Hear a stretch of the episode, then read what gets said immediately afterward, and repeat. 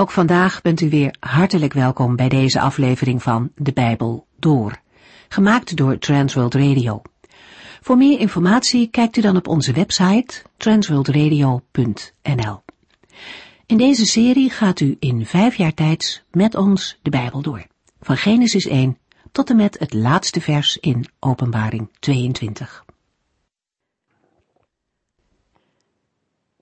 De vorige keer lazen we Psalm 2, een van de koninklijke psalmen. In die koninklijke psalmen lezen we bijvoorbeeld hoe de koningen van Israël hun hoop op God stelden. Later werden deze liederen ook beschouwd als messiaanse psalmen. Ze wezen vooruit naar de gezalfde koning van God, de Messias. Hoewel er geen schrijver genoemd wordt, staat in handelingen dat het een psalm van David is. In Psalm 2 zien we ook het parallelisme, een dichtvorm die vaker terug zou komen in de psalmen. Hierbij wordt dat wat in de eerste regel wordt gezegd herhaald en versterkt in de volgende regel. Psalm 2 begint met een retorische vraag, namelijk waarom de volken zinnen op iets wat vergeefse moeite is. Vele machthebbers spannen zich gezamenlijk in om tegen de heren in verzet te komen. In die verse zit een eerste toepassing op Jeruzalem, de stad van de Heere God. Maar het gaat een stap verder. De regeringsleiders spannen ten diepste samen tegen de Allerhoogste God. Ze willen zich bevrijden uit de boeien en slavernij van de Heere, zoals zij het zelf zien. Ze beseffen niet dat juist het leven op Gods manier en in verbondenheid met Hem echt vrijmaakt. Gods reactie is haast verrassend. Hij lacht erom. De goddelijkheid van God verandert niet als mensen met hem spotten. Ook al roepen mensen om het hardst dat God niet bestaat of dat hij niet almachtig is, dat doet dus helemaal niets af aan zijn almacht en zijn godheid. Wanneer hij opstaat, zal dat duidelijk worden. De vijanden zullen zien dat Jeruzalem de stad van God is. En dan zal hij zich in toren tot hen richten, en zij zullen van angst ineenkrimpen. De dichter van de psalm beseft dat dit een vreselijk moment moet zijn, en hij roept daarom uit, Wees daarom verstandig, koningen en heersers van deze aarde, en luister, nu het nog kan. Het is ook een boodschap waar christenen van nu de wereld mee in kunnen. Wij gaan verder, psalm 3. Na de eerste twee psalmen, die een positieve introductie vormen op het psalmboek, volgt met Psalm 3 een lied over een moeilijke periode in het leven van koning David. Op grond van de eerste verse wordt de psalm wel opgevat als een individueel klaaglied. Maar gezien het vervolg is het eerder een lied van vertrouwen in moeilijke omstandigheden. De psalm is ontstaan tijdens of naar aanleiding van de vlucht van David voor Absalom. Maar de bewoordingen zijn algemener en daarom is het lied ook geschikt voor gebruik door anderen in de eredienst. De geschiedenis van Absalom is beschreven in 2 Samuel 15 tot en met 18. Het lied verwijst in het bijzonder naar de bescherming in de afgelopen nacht en geldt daarom als een morgenlied. Psalm 4 sluit hierbij aan als avondlied. Psalm 3 heeft de volgende indeling. Vers 1 is het opschrift vers 2 en 3 een klacht en vers 4 tot en met 7 een beleidenis. De psalm wordt afgesloten met een gebed, vers 8 en 9. Aan de ene kant zijn er allerlei verbindingen mogelijk tussen psalm 3 en de geschiedenis in 2 Samuel. Toch zijn er weinig concrete overeenkomsten en de geschiedenis laat niet blijken dat David het vertrouwen had dat hier in de versen 4 tot en met 7 naar voren komt. Daarom is de psalm algemener van aard en overstijgt de gebeurtenissen in 2 Samuel 15 tot en met 18. Terwijl psalm 2 de unieke positie van de koning van Israël beschrijft en de relatie tussen de Heer en de koning benadrukt, lijkt het wel alsof daar in psalm 3 niets meer van over is. David begint met het aanroepen van de Heere want de tegenstanders zijn talrijk en vele komen in opstand. Psalm 3, vers 1 en 2. Een psalm van David toen hij vluchtte voor zijn zoon Absalom. Heren, iedereen is tegen mij. Velen willen mij kwaad doen. Ik heb zoveel vijanden. De psalm komt voort uit een persoonlijke ervaring van koning David. Hij verkeerde in een moeilijke situatie. Hij was een vluchteling geworden toen hij zijn eigen hoofdstad Jeruzalem, de stad van David, moest verlaten. Absalom, zijn eigen zoon, rebelleerde en probeerde hem te doden. Tegen die achtergrond kunnen we ons Davids hartbrekende woorden indenken. Op zijn vlucht wordt David door Simi, een familielid van Saul, vervloekt. Abisai, een van Davids generaals, wordt kwaad op Simi en wil hem doden. Maar David weigert beslist en fel. De profeet Nathan had David eerder al verteld dat de Heer hem voor zijn zonde zou straffen. In 2 Samuel 12 vers 11 lezen we dat hij namens de Heere tegen David moet zeggen, ik zweer dat ik uw eigen gezin tegen u in opstand zal laten komen, omdat u dit, de zonde met Bathsheba, hebt gedaan. Ik zal uw vrouw aan een andere man geven die op klaarlichte dag met hen naar bed zal gaan. De Heere had David in zijn genade vergeven. Maar David had nog wel te maken met de gevolgen van zijn zonde en de straf van de Heere. Nathan had namens de Heere gezegd, ik zweer dat ik uw eigen gezin tegen u in opstand zal laten komen. Zijn zoon Absalom en anderen kwamen tegen hem in opstand. David verlaat huilend en op blote voeten Jeruzalem. Davids klacht is, Heere, iedereen is tegen mij, velen willen mij kwaad doen, ik heb zoveel vijanden. Luisteraar, het is een hele bemoediging dat een zondaar met de brokstukken van zijn leven naar God kan gaan. Nee, dat betekent niet dat alles dan makkelijk en eenvoudig wordt. Ook niet voor David. Hij schokt voort en bidt. Psalm 3, vers 3 tot en met 6. Velen zeggen dat God mij toch niet zal helpen. Maar Heer, u bent mijn beschermende schild en u houdt mijn eer hoog. U bent mijn enige hoop, alleen uw kracht houdt mij overeind. Ik schreeuwde het uit van ellende naar de Heere, en hij hoorde mij in zijn heiligdom. Toen pas durfde ik rustig te gaan liggen en vredig te gaan slapen. Ik werd ook weer veilig wakker, want de Heere hield de wacht over mij. Velen zeggen, geeft aan dat er mensen zijn die ook door woorden David moedeloos proberen te maken. Zij zeggen, God zal je toch niet helpen. Wat anderen zeggen, kan David zelf ook denken, en dat kan voor hemzelf een aanvechting zijn. In de psalmen wordt de hoon van vijanden vaak genoemd. Als de Heere toch niet zal helpen, dan heeft bidden ook geen zin. Vers 3 wordt in de Hebreeuwse tekst afgesloten door het woordje Sela. Het komt drie keer voor in deze psalm. Het woordje Sela komt 71 maal voor in het Bijbelboek Psalmen en bijna altijd in de liederen van David.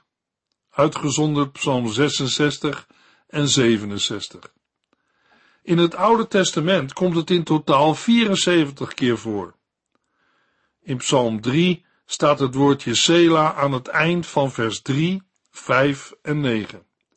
Waarschijnlijk is het een muzikale aanduiding. De Mishnah, de mondelinge Torah met commentaar, vermeldt dat het in de tweede tempel de gewoonte was de dagelijkse psalm te zingen in drie delen. Aan het eind van elk deel was er een pauze. Dan bliezen twee priesters op hun trompetten. Op dat teken knielde het volk neer in gebed. Of het woordje Zela daarmee relatie heeft, is onzeker. Maar Heere, u bent mijn beschermende schild en u houdt mijn eer hoog.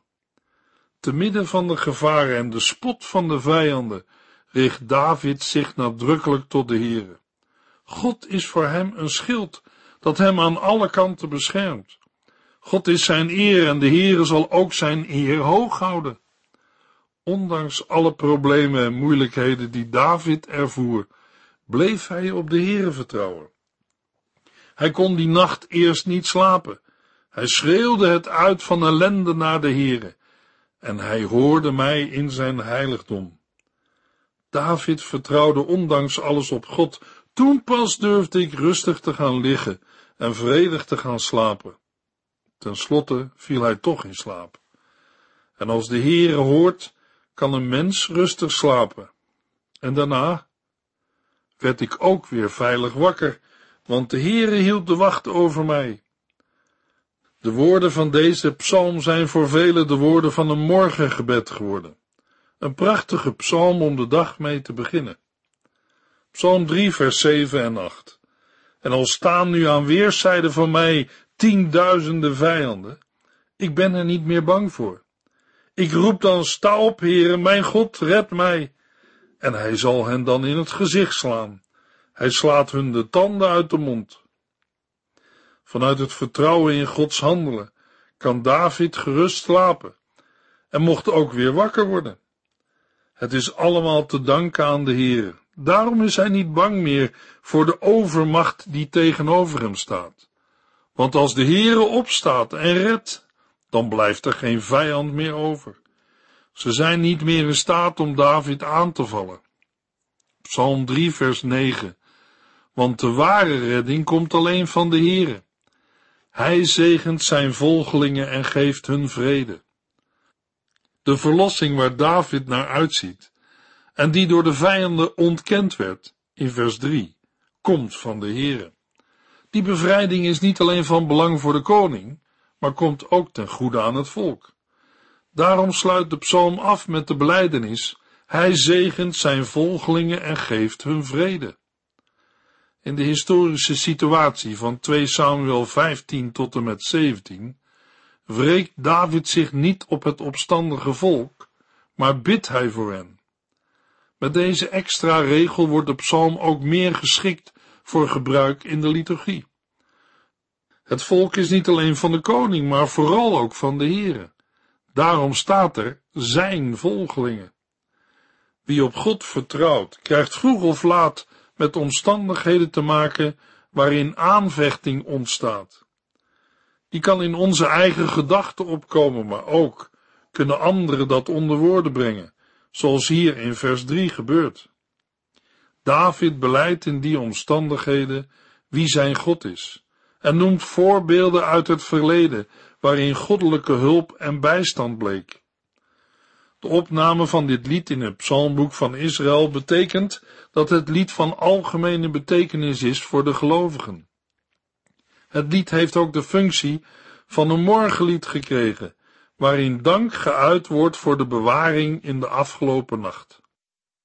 Vanwege Gods trouw in de afgelopen nacht mogen met vertrouwen de komende dag tegemoet zien. De bewoordingen in de psalm zijn militair van aard, maar ze zijn breder toepasbaar op de strijd tegen het kwade in het algemeen. Ook het Nieuwe Testament spreekt over geestelijke strijd die gelovigen te voeren hebben. Maar in het Nieuwe Testament ligt meer de nadruk op het gebed voor de ander en het toekeren van de andere wang als wij geslagen worden. Maar in de strijd tegen het kwade zelf mogen wij niet terughoudend of bang zijn. Daarbij mag het ook ons gebed zijn dat de Heere recht zal verschaffen. Na het morgenlied, Psalm 3, volgt hier een avondlied. Dat deze twee psalmen bij elkaar horen blijkt uit allerlei overeenkomstige woorden. We vinden dezelfde woorden vele zeggen in Psalm 3 vers 3 en Psalm 4 vers 7. Ook in Psalm 3 vers 5 en Psalm 4 vers 2 en 4 zijn er overeenkomsten met de woorden roepen en antwoorden. Ten slotte in Psalm 3 vers 6 en Psalm 4 vers 9 vinden we overeenstemming met de woorden liggen en slapen. Volgens sommige uitleggers is de historische situatie van beide psalmen ook dezelfde, namelijk de vlucht voor Absalom. Anderen denken hier liever aan de tijd van koning Saul, onder andere vanwege de problemen die David in zijn begintijd als leider heeft ervaren. De psalm wordt soms geclassificeerd als een persoonlijke klaagzang, maar vanwege het slot is het beter om het een psalm van vertrouwen te noemen. In psalm 4 worden veel woorden herhaald of gaan terug op hetzelfde werkwoord. Dit patroon is duidelijker aanwezig dan een indeling van het lied in strofen, en daarom zijn verschillende indelingen voorgesteld. Op grond van het woordje Sela is een formele indeling in drie gedeelten mogelijk. Een inhoudelijke indeling kan zijn een gebed in vers 2, het aanspreken van mensen in vers 3 tot en met 6 en een verklaring van vertrouwen in vers 7 tot en met 9. Aan het begin en eind wordt de Heere toegesproken en in het midden staat een vermaning aan het adres van de tegenstanders.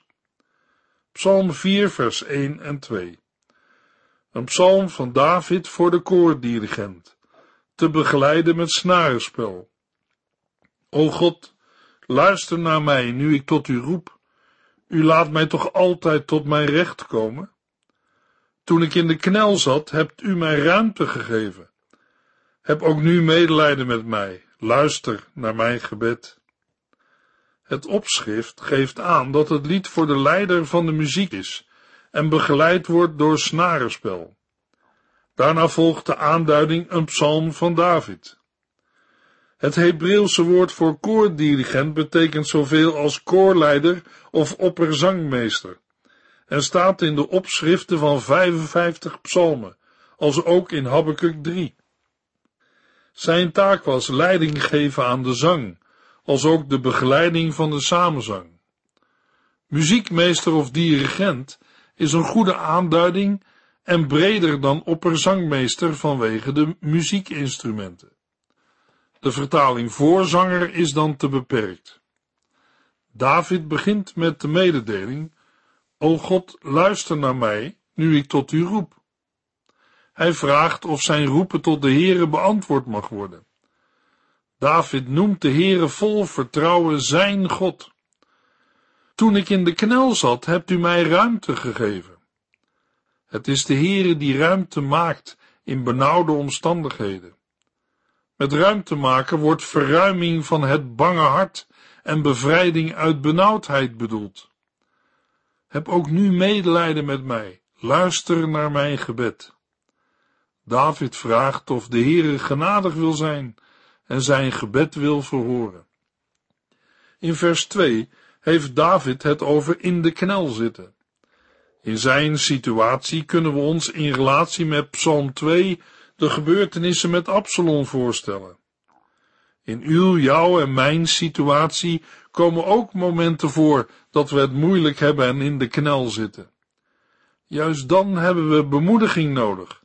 En die bemoediging kunnen we vinden in het woord van God.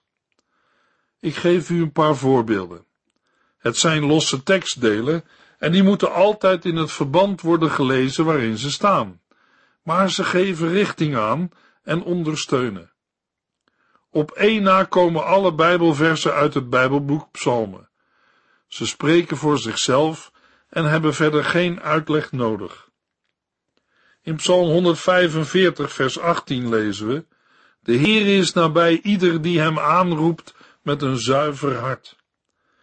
In Psalm 50, vers 15 zegt de Heer: Roep mij te hulp in moeilijke tijden, dan zal ik u redden en zult u mij loven en prijzen. Nog intensiever en mooier lezen we het in Jesaja 65 vers 24. Voordat zij mij roepen, zal ik hun al antwoord geven. Terwijl ze nog tegen mij praten over wat ze nodig hebben, zal ik al beginnen hun gebeden te verhoren. David zegt in Psalm 18 vers 7, toen ik ten einde raad was, riep ik naar de Heere ik vroeg mijn God mij te helpen. Hij hoorde mij en reageerde op mijn hulpgeroep. In Psalm 55, vers 17 zegt hij: Maar ik weet wat ik moet doen. Ik roep naar God. De Heere zal mij bevrijden. Dezelfde David bidt in Psalm 86, vers 7: In tijden van grote moeite en zorgen roep ik naar u omdat u mij altijd antwoord geeft. Ten slotte nog één tekst uit Psalm 91, vers 15, waar de Heere zegt: Als hij mij roept, zal ik hem antwoord geven. Als hij het moeilijk heeft, zal ik bij hem zijn. Ik zal hem bevrijden en in ere herstellen. De Bijbel staat vol met deze prachtige beloften. Psalm 4, vers 3. De Heere God vraagt, mensenkinderen, wanneer houden jullie ermee op mijn eer te grabbel te gooien door levenloze afgoden te aanbidden? Hoe lang blijven jullie nog zinloze dingen najagen?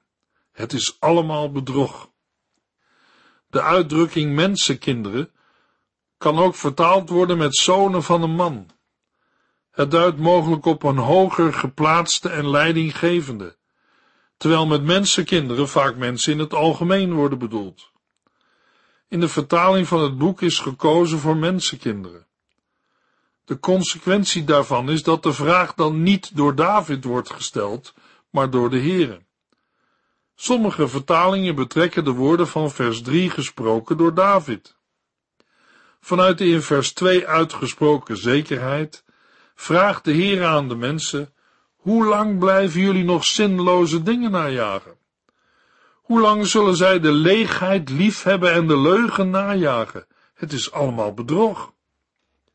Psalm 4 vers 4, maar luister goed. De Heer heeft mij voor zichzelf bestemd. Daarom zal hij naar mij luisteren en mij antwoord geven wanneer ik tot hem roep. Het is waarschijnlijk dat de handelingen uit vers 3 ook betrekking hebben op een poging om David te onttronen. In het geval David aan het woord is, zou hij het gedrag van zijn eigen mannen bekritiseren en zeggen dat hun gedrag tegen Gods wil ingaat. In vers 4 beroept de dichter zich ook op de speciale relatie die hij met de Heer heeft. En het is nodig dat de aangesproken mannen dat beseffen. Psalm 4, vers 5 en 6. Als u boos wordt, zondig dan niet tegen de Heere. Als u s'nachts wakker ligt, overdenk dan in alle rust zijn woord. Heb volkomen vertrouwen in de Heere en bied hem uw offers aan, zoals die zijn voorgeschreven. David geeft nog een aantal waarschuwingen en tips door, opdat een mens niet tot zonde komt. Als we de aansporing naar onze tijd vertalen, dan kunnen we zeggen, als u boos wordt, zondig dan niet tegen de Heere, maar overdenk dan in alle rust zijn woord. Ook de apostel Paulus schrijft over boos worden, in Efeziërs 4 vers 26. Als u kwaad bent, laat dan geen wrok in uw hart opkomen, want dan zondigt u. Zorg ervoor dat u uw boosheid voor het einde van de dag weer kwijt bent. Geef de duivel geen schijn van kans. Psalm 4, vers 7. Veel mensen zeggen dat God niet zal helpen. Heren, toont u hun dat ze het mis hebben door uw licht op ons te laten schijnen. David bespeurt bij allerlei mensen een zoeken naar houvast en uitkomst. In de Hebreeuwse grondtekst is de eerste zin een vraag en meer algemeen, namelijk velen zeggen, wie zal ons het goede doen zien? De woorden wie zal ons het goede doen zien kunnen opgevat worden als een wens of als een vraag van vertwijfeling. Zien heeft daarin de betekenis van beleven. Ongeveer dezelfde vragen vinden we in Psalm 34, vers 13. Wie van u houdt van het leven en wil graag gelukkig zijn? Gevaar en dreigingen van buitenaf vormen voor een mens een groot probleem. Maar twijfel en vertwijfeling zijn ook erg gevaarlijk. In de tweede zin van vers 7 antwoordt David met de woorden uit de zegen van Aaron, in de vorm van een gebed tot de Heere. Mede daarom wordt in het boek de naam van de Heere ook op de eerste zin van vers 7 betrokken en lezen we, veel mensen zeggen dat God niet zal helpen. De zegen van een Aaron vinden we in nummer 6 vers 24 tot en met 26. De Heere geef u zijn zegen en bescherming. De Heere geef u zijn nabijheid en inzicht. De Heere geef u zijn genade. Laat de Heere zijn oog op u gericht houden en u vrede geven. Deze zegen is samengevat met de woorden, laat uw licht op ons schijnen. Psalm 4 vers 8 en 9. Ja, de blijdschap die u mij hebt gegeven gaat dieper dan hun vreugde, wanneer ze in de oogsttijd hun rijke opbrengst overzien. Ik ga rustig liggen en slaap vredig in. Ik weet dat alleen U mij beschermt, Heer. Net als aan het begin van de psalm richt David zich tot God. Vervolgens beleidt hij dat de Heer hem meer vreugde in het hart heeft gegeven dan de andere mensen, bij wie koren en de wijn in overvloed aanwezig zijn. De uiterlijke verlossing is er nog niet, maar David heeft een innerlijke blijdschap, die de anderen met hun twijfel en vertwijfelingen missen. Daarom kan hij rustig gaan slapen, want de Heere laat hem veilig wonen, beschermt hem. Dat is belangrijker dan de zekerheden die mensen hem kunnen geven. Psalm 4 verwoordt de negatieve ervaringen en zorgen van een mens, die zich vervolgens beroept op de relatie met de Heere, en daarnaast zijn belagers duidelijk toespreekt. Te midden van een algehele vertwijfeling, die ook in eigen gelederen kan toeslaan, wijst David met de woorden van de zegen van Aaron op Gods aanwezigheid en op de innerlijke vrede die daar het gevolg van is. Daarom kan hij rustig gaan slapen. De Heere kan de omstandigheden veranderen, maar ook zo laten. In beide gevallen kan God toch innerlijke rust en blijdschap in het hart geven. Zijn aanwezigheid kan in het gewone leven worden ervaren. Het is een thema dat zowel in het Oude als Nieuwe Testament naar voren komt. In de volgende uitzending lezen we Psalm 5, vers 1 tot en met 7, vers 18.